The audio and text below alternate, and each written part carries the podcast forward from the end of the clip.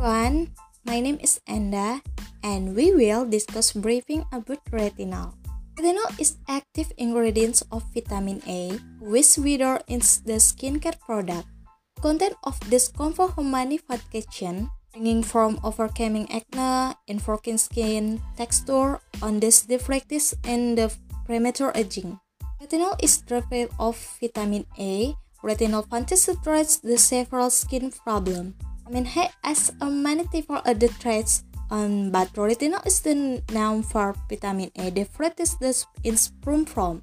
It's like uh, another ingredients. It takes it to see the maximum result from using retinol.